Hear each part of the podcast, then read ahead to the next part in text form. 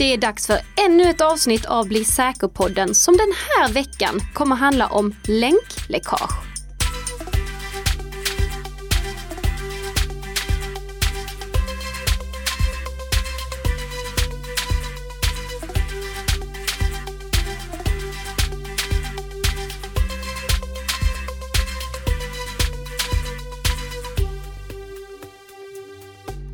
God morgon Nicka! God morgon, god morgon Tess! Hur står det till idag? Det står alldeles utmärkt till nu när jag har lyckats trassla loss hörlurarna som jag tidigare fastnade i här när vi skulle börja spela in. Okej, men nu, nu är du lös. Nu är jag loss. Ja, du är loss. Ja. Eh, och god morgon till dig som eh, lyssnar på den här podden. Eh, det är nämligen vårt 57 avsnitt idag. Och 57 avsnittet är ju alltid värt att fira. Det är, alla avsnitt är, är väl värda att fira skulle jag säga. Ja. Eh, men den här podden produceras i samarbete mellan Nika Systems och eh, Bredband2. Och eh, vi har ju som vanligt en hel del att gå igenom. Bland annat ska vi prata om länkläckage men även så har vi liksom ett frågebatteri om Squirrel och WebAuthn. Ja, vi gjorde ju en eh, liten miniserie där vi gick igenom framtidens autentiseringslösningar. Vi fokuserade framförallt på Squirrel och WebAuthn. Och det har kommit en del följdfrågor kring de här lösningarna som jag tänkte att vi- vi tar och eh, avhandlar dem i och med att veckans huvudämne är litet men naggande gott. Så vi, vi vi Ja. bör hinna med eh, ett rejält frågebatteri på slutet den här veckan. Vi håller tummarna för det i alla fall. Eh, Men vi kickar väl igång och eh, börjar med lite nyheter här. Eh, Mobilt BankID kommer till Huawei App Gallery. Exakt, och ni som har lyssnat på podden tidigare eller är intresserade av mobilnyheter, ni vet att eh, Huawei och Google hamnade i trubbel med varandra efter att eh, Google förbjöds att samarbeta med Huawei. Det gjorde att Huawei som är en av de största mobiltelefontillverkarna, alltså märket som stavas Huawei, och, och Huawei är så som jag tror att det ska uttalas egentligen. Eh, men hur som helst, eh, de hamnade i trubbel och eh, Huawei förlorade möjligheten att använda Googles version av Android på sina mobiler. Så de mobilerna som eh, Huawei har släppt nu på senare tid har varit utan Googles tjänster och framförallt utan Googles Play-butik, den appbutiken som man använder för att ladda ner appar till vanliga Android-mobiler. Huawei fick uppfinna sin egen appbutik då, för i och med att Android är open source så kunde de fortsätta använda Android. Men de var tvungna att lösa sin egen appbutik. Och där har än så länge svenska appar lyst med sin frånvaro. Bland Ja. annat när vi ändå pratar autentiseringslösningar så eh, saknades eh, under lång tid eh, mobilt bank-id och Freja e-id där, två andra lösningar som vi, vi har diskuterat i den här genomgången av eh, olika autentiseringslösningar. Det var till och med så att i eh, september då sa Finansiell ID-teknik och eh, Verisec som ligger bakom de här två apparna att de inte i dagsläget planerade att släppa apparna till eh, Huaweis egen appbutik. Men i slutet av januari då meddelade i alla fall Finansiell ID-teknik att BankID kommer till deras Okej. eh, till- till eh, Huaweis appbutik. Så inom kort, om det inte har dykt upp redan nu, så kommer man att kunna använda BankID eller mobilt BankID från en Huawei-telefon, även om man inte har tillgång till eh, Googles appbutik. Goda nyheter. Goda nyheter, fast egentligen spelar det ingen större roll. Nej, okej. För det är fortfarande ont om svenska appar. Och jag tror ju att alla som är intresserade av en eh, Android-mobil i Sverige, de vill ha Googles tjänster. Och Googles tjänster kommer ju inte komma till Huaweis enheter. Nej, och då. Och då, då tänker jag inte bara på Google Play utan jag tänker också på till exempel Gmail och Youtube och Google Foto. Alla de saknas Mm. på de här nyare Huawei-telefonerna. Anledningen till att vi vill ta och lyfta upp eh, det här ämnet just den här veckan, det är att eh, Google har gått ut med en varning för att sideloada Googles egna appar. Eh, Google säger alltså att det är en säkerhetsrisk att man på egen hand letar upp de här apparna någonstans på internet och installerar dem på sin mobil. Det kan man göra, men precis som Google avråder från det så avråder vi också och det starkaste från att göra det. För om man hämtar de här apparna på något eh, lite shady ställe, då vet man inte vad de här apparna kan ha varit preparerade med. Så precis som vi avrådde från att eh, sideloada, alltså sidoinstallera utan att installera via en appbutik, det här jättepopulära spelet som inte heter Fortinet utan heter eh, Eh, vänta. Fortnite. Fortnite, ja. Fortnite. Eh, vi, vi avrådde ifrån att man eh, skulle installera det eh, manuellt. Och samma sak gäller de här eh, apparna som är Googles egna och saknas på Huaweis mobiler. Om man väljer en Huawei-mobil, då ska man snarare bara acceptera att de apparna inte finns. Okej, eh, nu, nu ska vi prata lite om en eh, veckofärsk rapport eh, framtagen av Ponemon eh, Institute eh, på uppdrag av Ubico. Det är ju de som gör de här nycklarna som jag har pratat så gott om. De du hittar fram där, ja, Ja, precis. lilla Den där lilla, lilla nyckeln. Eh, precis. Eh, underlaget består av eh, 2500 personer som jobbar inom IT eller IT-säkerhet. Eh, I Sverige så var det totalt 365 respondenter. Och det är ju på den svenska statistiken vi har kollat i alla fall. Ja, jag, jag tycker det är kul att de har brutit ut Sverige specifikt här. Verkligen. Vi- Det var liksom här, USA och Tyskland. Och några andra och stora några länder andra. plus Ja, Sverige. precis. Vet du varför? Nej, För att Ubico är svenskt. Ja, det grundades av eh, Stina eh, eh, det grundades av Stina. him vi sätter punkt där. Himla kul i alla fall. någonting, förlåt jag har glömt Ja. hennes efternamn. Eh, Fantastiskt. ja. Men i alla fall, i rapporten kan vi utläsa att det är 43 procent säger att de har blivit utsatta för phishing. Eh, Och detta är då som sagt i Sverige. Mm. Det var en anmärkningsvärt låg siffra. Mm. Så jag tror snarare det handlar om att det är de som är medvetna om att de har blivit utsatta för phishing. Ja, okej. Eh, 16 procent har utsatts för en utpressningstrojansattack i Sverige. Mm. Det är ändå någonting som är nå- någonting som man bör tänka på då oavsett var man jobbar. Att utpressningstrojansattacker är väldigt vanliga och det här är ju de som är medvetna om att de har blivit utsatta för den. Mm. Precis. Ehm, 8 procent eh, uppger att de har varit ut- utsatta för en attack där inloggningsuppgifter ska stjälas. Mm.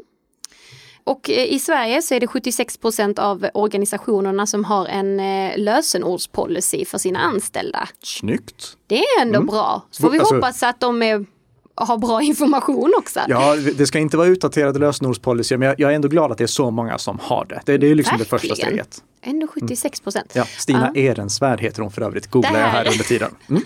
Där kom den. Eh, det är endast 43 procent som eh, kräver tvåstegsverifiering för företagskonton. Vad sa du nu? Det är endast 43 procent. Som, 43. Det tycker jag ändå är jättemycket. ja, jo, det är det. Ja, är, alltså Jag det, vet faktiskt inte varför jag säger endast. nej, nej. det, alltså, jo, för att det borde vara det borde 100. vara 100. ja. Precis, Mm. använder man inte någon eh, säkrare metod som till exempel WebAuthn så ska man ju ha Mm. tvåstegsverifiering. Men jag, jag, jag trodde inte att det skulle vara så många. Nej, det, okej. är, och det, det är två tummar upp, det, det, Ja. det, det gillar jag. Kul. och nu ska vi bara se till att det blir 100% till nästa år. Precis, vi siktar på det. Mm. Ja. Är du under 45 nästa år så är det inte alls bra. Nej. Av eh, de som använder tvåstegsverifiering så använder 41 procent USB-nyckel. Det vill säga, eller så här, ett exempel är då I2F-nycklar. Och det är jättemycket. Mm.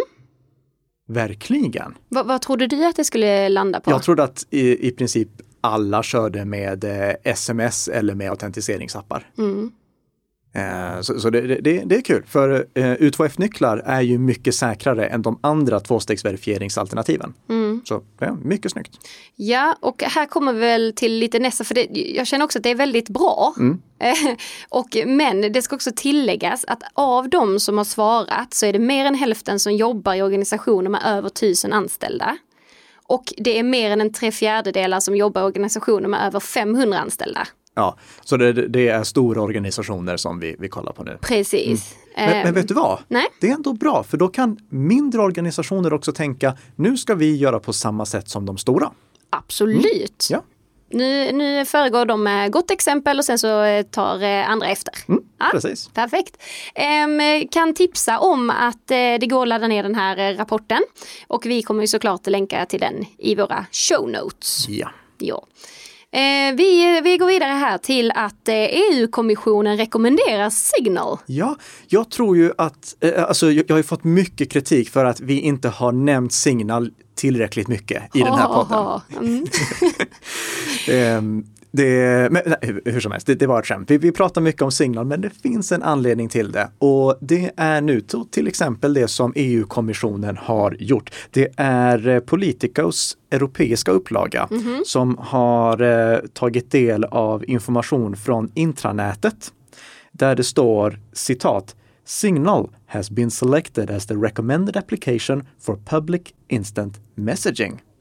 Så EU-kommissionen rekommenderar nu de som är anställda att använda Signal ifall de vill ha en, liksom en app för att kunna kommunicera sinsemellan som inte går via krypterad e-post, vilket de också har tillgång till.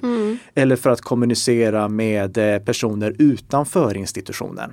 Och jag tycker att det här, det, det är ett, en sån fin guldstjärna till Signal nu också eh, när EU-kommissionen uppmanar sina anställda att använda det. Det är inte bara vi här i Bli säker-podden som sitter och tjatar om Signal, utan det finns också andra stora organisationer som gör det. Mm, kul!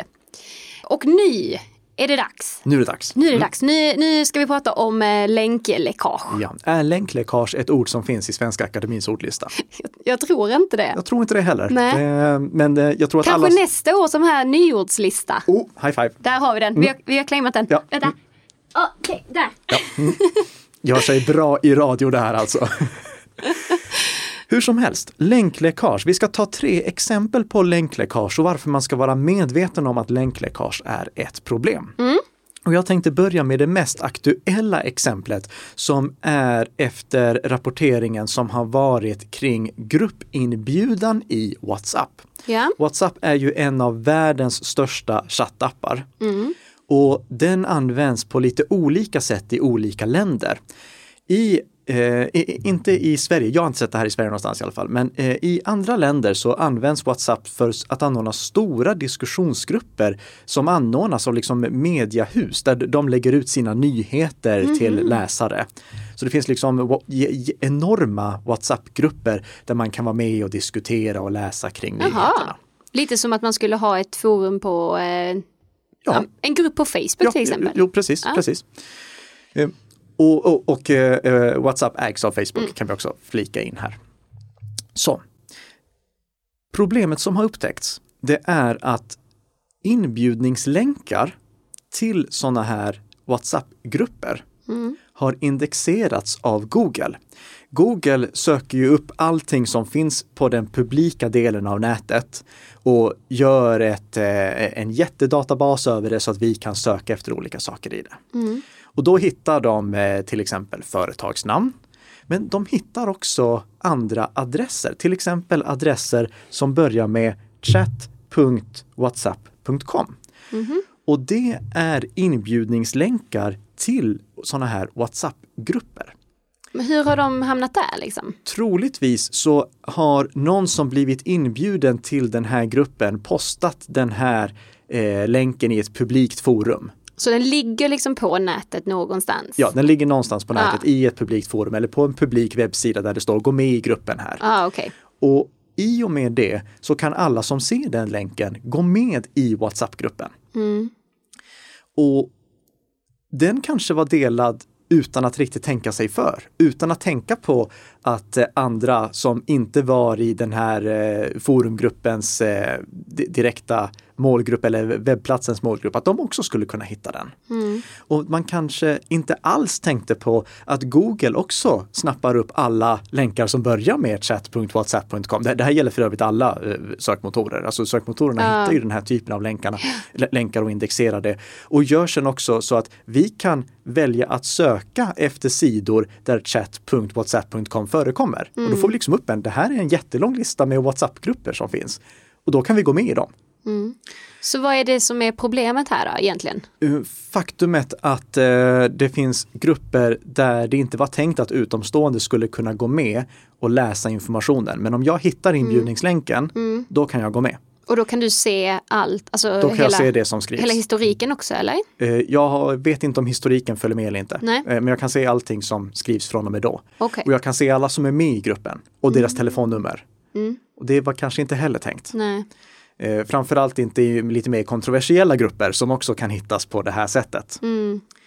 Men WhatsApp säger att det här är ingen bugg och jag håller med dem. Det här är ingen bugg. Det, här, det är så här det ska fungera. Tanken är att man ska kunna bjuda in till grupper på det här viset. Mm. Men de som hanterar länkarna, de är inte medvetna om den här problematiken. Så här har vi egentligen ett utbildningsproblem. Det här är inte ett tekniskt problem utan det här är ett utbildningsproblem i hur den här lösningen funkar. Mm. De som får tag i sådana här länkar, de måste vara medvetna om att ifall någon annan får tag i länken, då kan de andra komma in i gruppen också. Och de måste vara medvetna om att Google indexerar allting som finns på den publika delen av nätet. Mm. Eh, Så att det nu finns liksom långa listor med grupper som man kan gå med i. Ja. Däremot finns det ett tekniskt fel här också hos Okej. WhatsApp. Eh, eh, förlåt, tekniskt fel enligt mig. och det är för att eh, två stycken källor till Forbes har eh, konstaterat att alla grupper har en sån här länk oavsett om administratören har valt att generera den eller inte. Och det innebär att om man skulle skriva i adressfältet chat.whatsapp.com och sen bara massa tecken efter, då finns det en liten chans att man faktiskt prickar rätt och hamnar i en grupp som existerar. Ja. Här borde det inte fungera på det sättet, utan det borde vara så att om administratören för gruppen inte har valt att skapa en länk, då ska det inte finnas någon länk som bjuder in till den gruppen heller, Mm. Okej. eh, enligt mig. Ja. Och jag tror att det är så, så som det borde vara för att det inte ska ske några missförstånd kring hur den här lösningen fungerar. Mm. Eh, Nu tror alla lyssnare troligtvis att min rekommendation är här att använda Signal istället. Men nej, eh, faktum är det här löser inte Signal. Eh, eh, Vi kan säga så, problemet uppstår inte på Signal för att Signal har inte sådana här länkar som man kan bjuda in Nej. till grupper. Man kan bara ha liksom sin kontaktlista. typ. Ja, och, och du kan bjuda in telefonnummer också. Men Signal är olämpligt att använda i sådana här megagrupper eftersom vem som helst kan bjuda in vem som helst i gruppen. Och det, det finns ingen administratör som kan välja att sparka ut specifika Nej, användare man kan inte ta bort och moderera och sånt där Nej. heller. Nej. Så Signal, d- deras grupper är bara tänkt att användas för att liksom ha en familjegrupp och sen Mm. kanske en grupp på arbetsplatsen. Det är inte tänkt att användas för den här typen av megagrupper som jag var inne på inledningsvis. Mm. Även om Signal nu i ett blogginlägg som vi lägger med en länk till i våra show notes skriver att de arbetar med att förbättra den här gruppfunktionen och ge den Okej. bättre verktyg och ge den administrationsmöjligheter. Mm. Så det kanske kommer på sikt, men än så länge så kan man inte använda det i dagens läge. Nej. Det är tyvärr bara den ena typen av länkläckage som vi måste vara medvetna om. Den andra typen av länkläckage är den som uppstår när vi delar dokument med varandra. Jag tror att alla som lyssnar på den här podden har hört mig säga att man inte ska mejla dokument fram och tillbaka. Ja, det ska man inte göra. Nej. Nej. Men det är inte heller bra att eh, skapa hur många länkar som helst och dela vidare dem. Nej. För om man gör det, då kan vem som helst som får tag i en, eh, i en länk som leder till ett utdelat dokument, öppna det dokumentet och kolla vad som står i. Då kanske till och med redigera beroende på vilka rättigheter som man har gjort. Men låt säga att jag har skapat då typ en så Google Drive eh, Docs liksom. Ja. Eh, kan någon, om det nu är publikt i viss mån då, Ja. Är det någonting som eh, Och- även... Om den länken hamnar på avvägar, Ja. till exempel att den eh, skickas i ett okrypterat mejl, Mm. eller att eh, besökaren eh, pu- råkar publicera den på en publik webbplats, Mm. eller eh,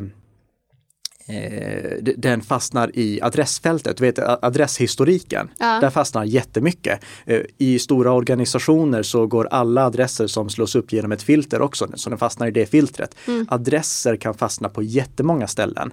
Det är därför som vi bör undvika att dela dokument, när så är möjligt, genom länkar. Om man inte samtidigt också kopplar ihop det med eh, eh en specifik användare. För mm. i, eh, i Word till exempel, då kan jag välja att dela, med, dela ett dokument med en specifik Microsoft-användare. Och då får han eller hon upp det yeah. i sin OneDrive. Det är någonting som, det genereras också en länk då, mm. men den länken är inte farlig eftersom att eh, för att kunna använda den länken då krävs också rätt användarnamn mm. och lösenord. Så mm. jag, pratar om de här generiska länkarna som okay. är inbjudningslänkar för vem som helst. Mm. De bör vi undvika. Inte minst för att jag tror också att många av våra lyssnare har hört mig säga att man inte ska klicka på länkar som kommer i mail. Ja, precis. Och fördelen med att dela till specifika användare mm. istället för att göra sådana här delningslänkar, det är att då får den personen upp inbjudan att redigera dokumentet i sin OneDrive till exempel. Mm. Eh, istället för en länk som han eller hon behöver klicka på.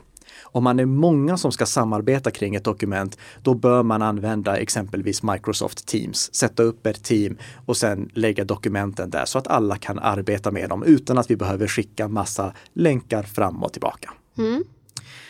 Så det är det jag skulle rekommendera för den typen av, eh, för att undvika länkdelning där den som bara har länken kan göra vad han eller hon vill med den. Mm. Avslutningsvis så vill jag också varna för kontoskaparlänkar. Okej, okay, vad innebär det? Eh, till exempel på en lärplattform som jag använde förr i tiden, då fanns en funktion som vi inte hade aktiv. Eh, mm. Men det, det var att man kunde skapa en länk till sin grupp. Och sen kunde alla som hade den länken skapa ett konto som automatiskt gick med i den gruppen. Jaha.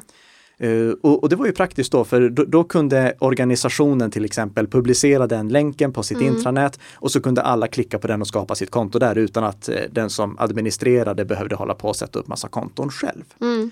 Men problemet här är ju att den länken, den kan också hamna på avvägar. Den kan råka publiceras på en publik webbplats eller hamna i ett mejl som någon annan läser. Eller eh, fastna i adressfältet igen. Ja.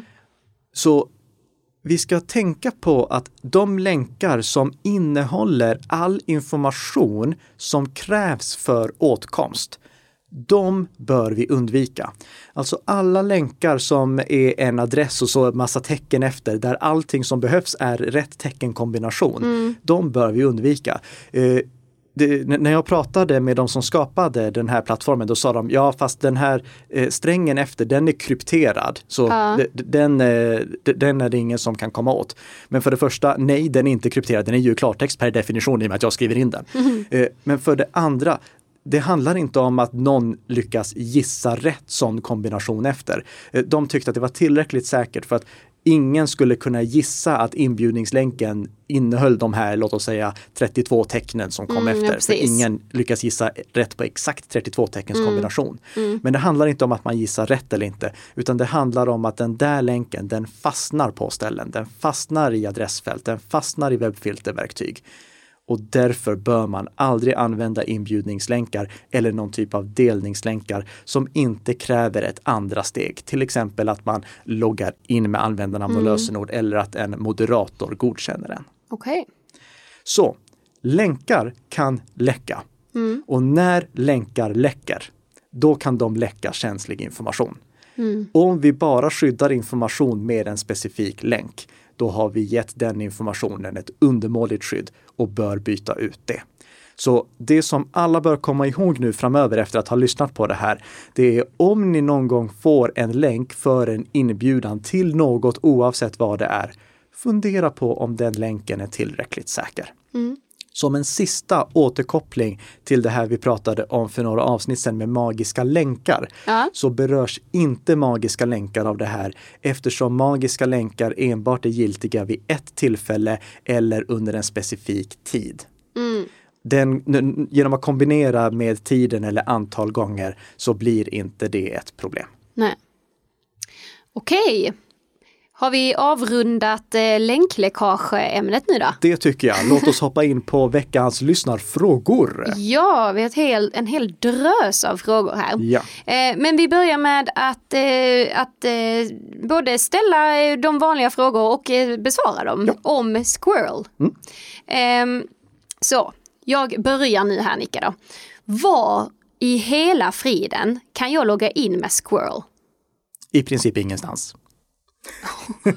Eh, det, vi, vi- pratade om Squirrel för det är en lösning som har möjlighet att slå igenom i framtiden.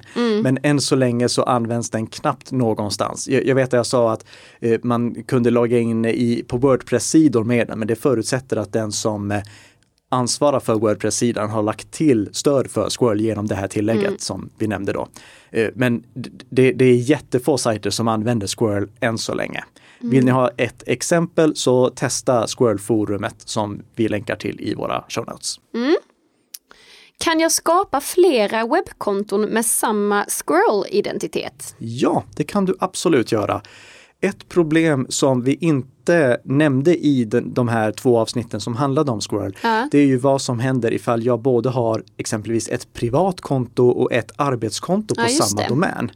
För ni som minns de avsnitten, när man loggar in så gör man det med, en, med ett nyckelpar som är genererat från ens hemliga Squirrel-identitet och eh, domänen.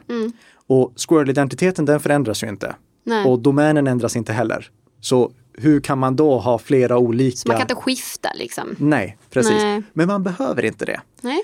För i Squirrel så finns det möjlighet att blanda in det som kallas en alternativ identitet. Okej, vad är Så det? istället för att man bara blandar ihop Squirrel-identiteten och domänen Mm. så blandar man ihop Squirrel-identiteten, domänen och någonting till. Mhm. Och det här någonting till, det kan vara det som man själv eh, vill ha som sitt användarnamn. Eh, Så det skulle kunna vara till exempel Nicka i det här fallet. Ja. Eller privat eller jobb. Jag måste bara komma ihåg vad jag väljer. Tycker det är svårt att komma ihåg olika saker så tar jag bara en siffra. 1, 2, 3. Och så blandar jag ihop Squirrel-identitet, domän och alternativ identitet. Varje gång jag gör det med någonting så blir det en helt annan uppsättning, eh, ett, ett helt annat nyckelpar. Så Okej. jag kan ha hur många konton jag vill med samma Squirrel-identitet. Men jag måste själv hålla koll på vad jag kallar de här olika. Så jag hade troligtvis rekommenderat att man bara kallar dem 1, 2, 3 och så vidare. Eller att man använder en lösenordshanterare för att komma ihåg vad man kallar sina användarnamn. För de användarnamnen, de finns ju inte någonstans egentligen. De sparas inte i klienten. De sparas inte på webbplatsen. Så man, man måste hålla koll på vad man kallar dem, för annars har man ingen aning om vad ens identitet där är. Eh, vi fortsätter på läckagespåret. Eh, kan min Squirrel-identitet läcka? Under förutsättning att du gör allting rätt, nej, det kan den inte. Nej. Eh, För den är ju krypterad. Den är alltid krypterad. Den ligger krypterad på din enhet. Du dekrypterar den när du loggar in. Så enda sättet som den kan läcka, det är ifall du har till exempel printat ut Squirrel-identiteten på ett papper och printat ut din eh, nödåtkomstkod och förvarar de två tillsammans. För då Okej. kan man dekryptera Squirrel-identiteten med nödåtkomstkoden. Och, du, förlåt, ett, ett sätt till finns det. Ett Okej. sätt till. Ja. Och det är ifall eh, du hittar en jättehäftig sån här eh, eh, Squirrel-app eh, med, eh, som verkar jättebra, som kommer från någon väldigt, väldigt suspekt tillverkare visserligen, och installerar den. Då kan du ju av misstag lägga in din Squirrel-identitet och dekryptera den i en spionprogramspreparerad Squirrel-klient. Så var försiktig med vilken Squirrel-klient du Ah. använder. Använd bara de som är stora och populära. För det kan finnas spionprogram i de här apparna. Eh, precis som i vilka andra. Ja, appar som precis. helst. Eh, och ja, då skulle din Squirrel-identitet Mm. kunna läcka också i och med att du då uttryckligen dekrypterar den. Eh, men vad händer om jag läcker min Squirrel-identitet? Då kan den som har kommit åt din läckta Squirrel-identitet logga in som dig överallt. Oj då. Ja. Så det, det, det, men, men som jag sa, det, det det är extremt osannolikt att det sker. Ja. För vi har ju inte de här problemen med att du skickar Squirrel-identiteten varje gång du loggar in. Det, det förutsätter att du uttryckligen infekterar din dator och laddar in Squirrel-identiteten i ett infekterat Squirrel-program för att det ska kunna ske. Eller då att, som jag sa, att du förvarar Squirrel-identiteten utskriven tillsammans med nödåtkomstkoden. Annars kan det inte hända. Så det, det är mycket säkrare än lösenord på så sätt. Men om någon kommer åt din Squirrel-identitet, Ja. då är du schackmatt. Okej. Eh, Det som du måste göra ifall du misstänker att någon skulle potentiellt sett möjligtvis ha kunnat komma åt din Squirrel-identitet. Det är att du rekeyar din Squirrel-identitet. Det finns inget ord för det på svenska, men rekeya in- innebär egentligen att du genererar ett nytt nyckelpar. Okej. Och det som du gör då, det, det är egentligen bara, du, du, du väljer i Squirrel-appen att du vill rekeya din Squirrel-identitet. Då får du en ny huvudnyckel som är din Squirrel-identitet. Du kommer ihåg att vi sa att eh, du börjar med att generera en 256 bitars lång nyckel som är liksom din huvudnyckel som är din Squirrel-identitet. Du får en ny sån huvudnyckel då. Men Squirrel-identiteten i din Squirrel-app innehåller också den gamla nyckeln. Okej. När du går till en webbplats där du har loggat in med Squirrel, Mm. då känner den här webbplatsen igen den gamla identiteten. De ser att okej, det här är den gamla identiteten, den som du misstänker att ha läckt. Ja. Samtidigt så instruerar appen webbplatsen att från och med nu så är det den här identiteten som gäller, den här nyckeln som gäller. Och från och med det så kommer den webbplatsen som du loggar in på endast godkänna den nya nyckeln, den nya identiteten. Så om du skulle misstänka att du, du har blivit av med din Squirrel-identitet, då måste du rekia den så du får en ny huvudnyckel och sen måste du logga in på alla webbplatser. När du har loggat in på alla webbplatser, då finns det inte någonstans som den gamla Squirrel-identiteten funkar längre. Oj vad det låter lite Det, omständigt det, alltså. det, ja, det, det låter omständigt, Ja. men du kan tänka att det, det är kanske tio konton som du använder ofta. Ja. Börja med att logga in där så är problemet löst. Eh, Okej, fungerar eh, Squirrel i andra appar än webbläsare? Ja, det fungerar i alla appar. Det spelar ingen eh, roll vilken app det är. Det kan vara en webbläsare eller det kan vara en chattklient eller precis vad, vad du känner för. Och, och det är för att när du installerar din Squirrel-app, då kommer den ta hand om alla anrop som börjar med SQRL kolon snedstreck snedstreck. Och du vet, på din dator, där har du ställt in att allting som börjar med HTTPS kolon snedstreck snedstreck, det ska öppnas i webbläsaren. Allting som börjar med FTP kolon snedstreck snedstreck, det ska öppnas i FTP-programmet. Samma sak är det med Squirrel. Allting som börjar med SQRL kolon snedstreck snedstreck, det ska öppnas i Squirrel-appen.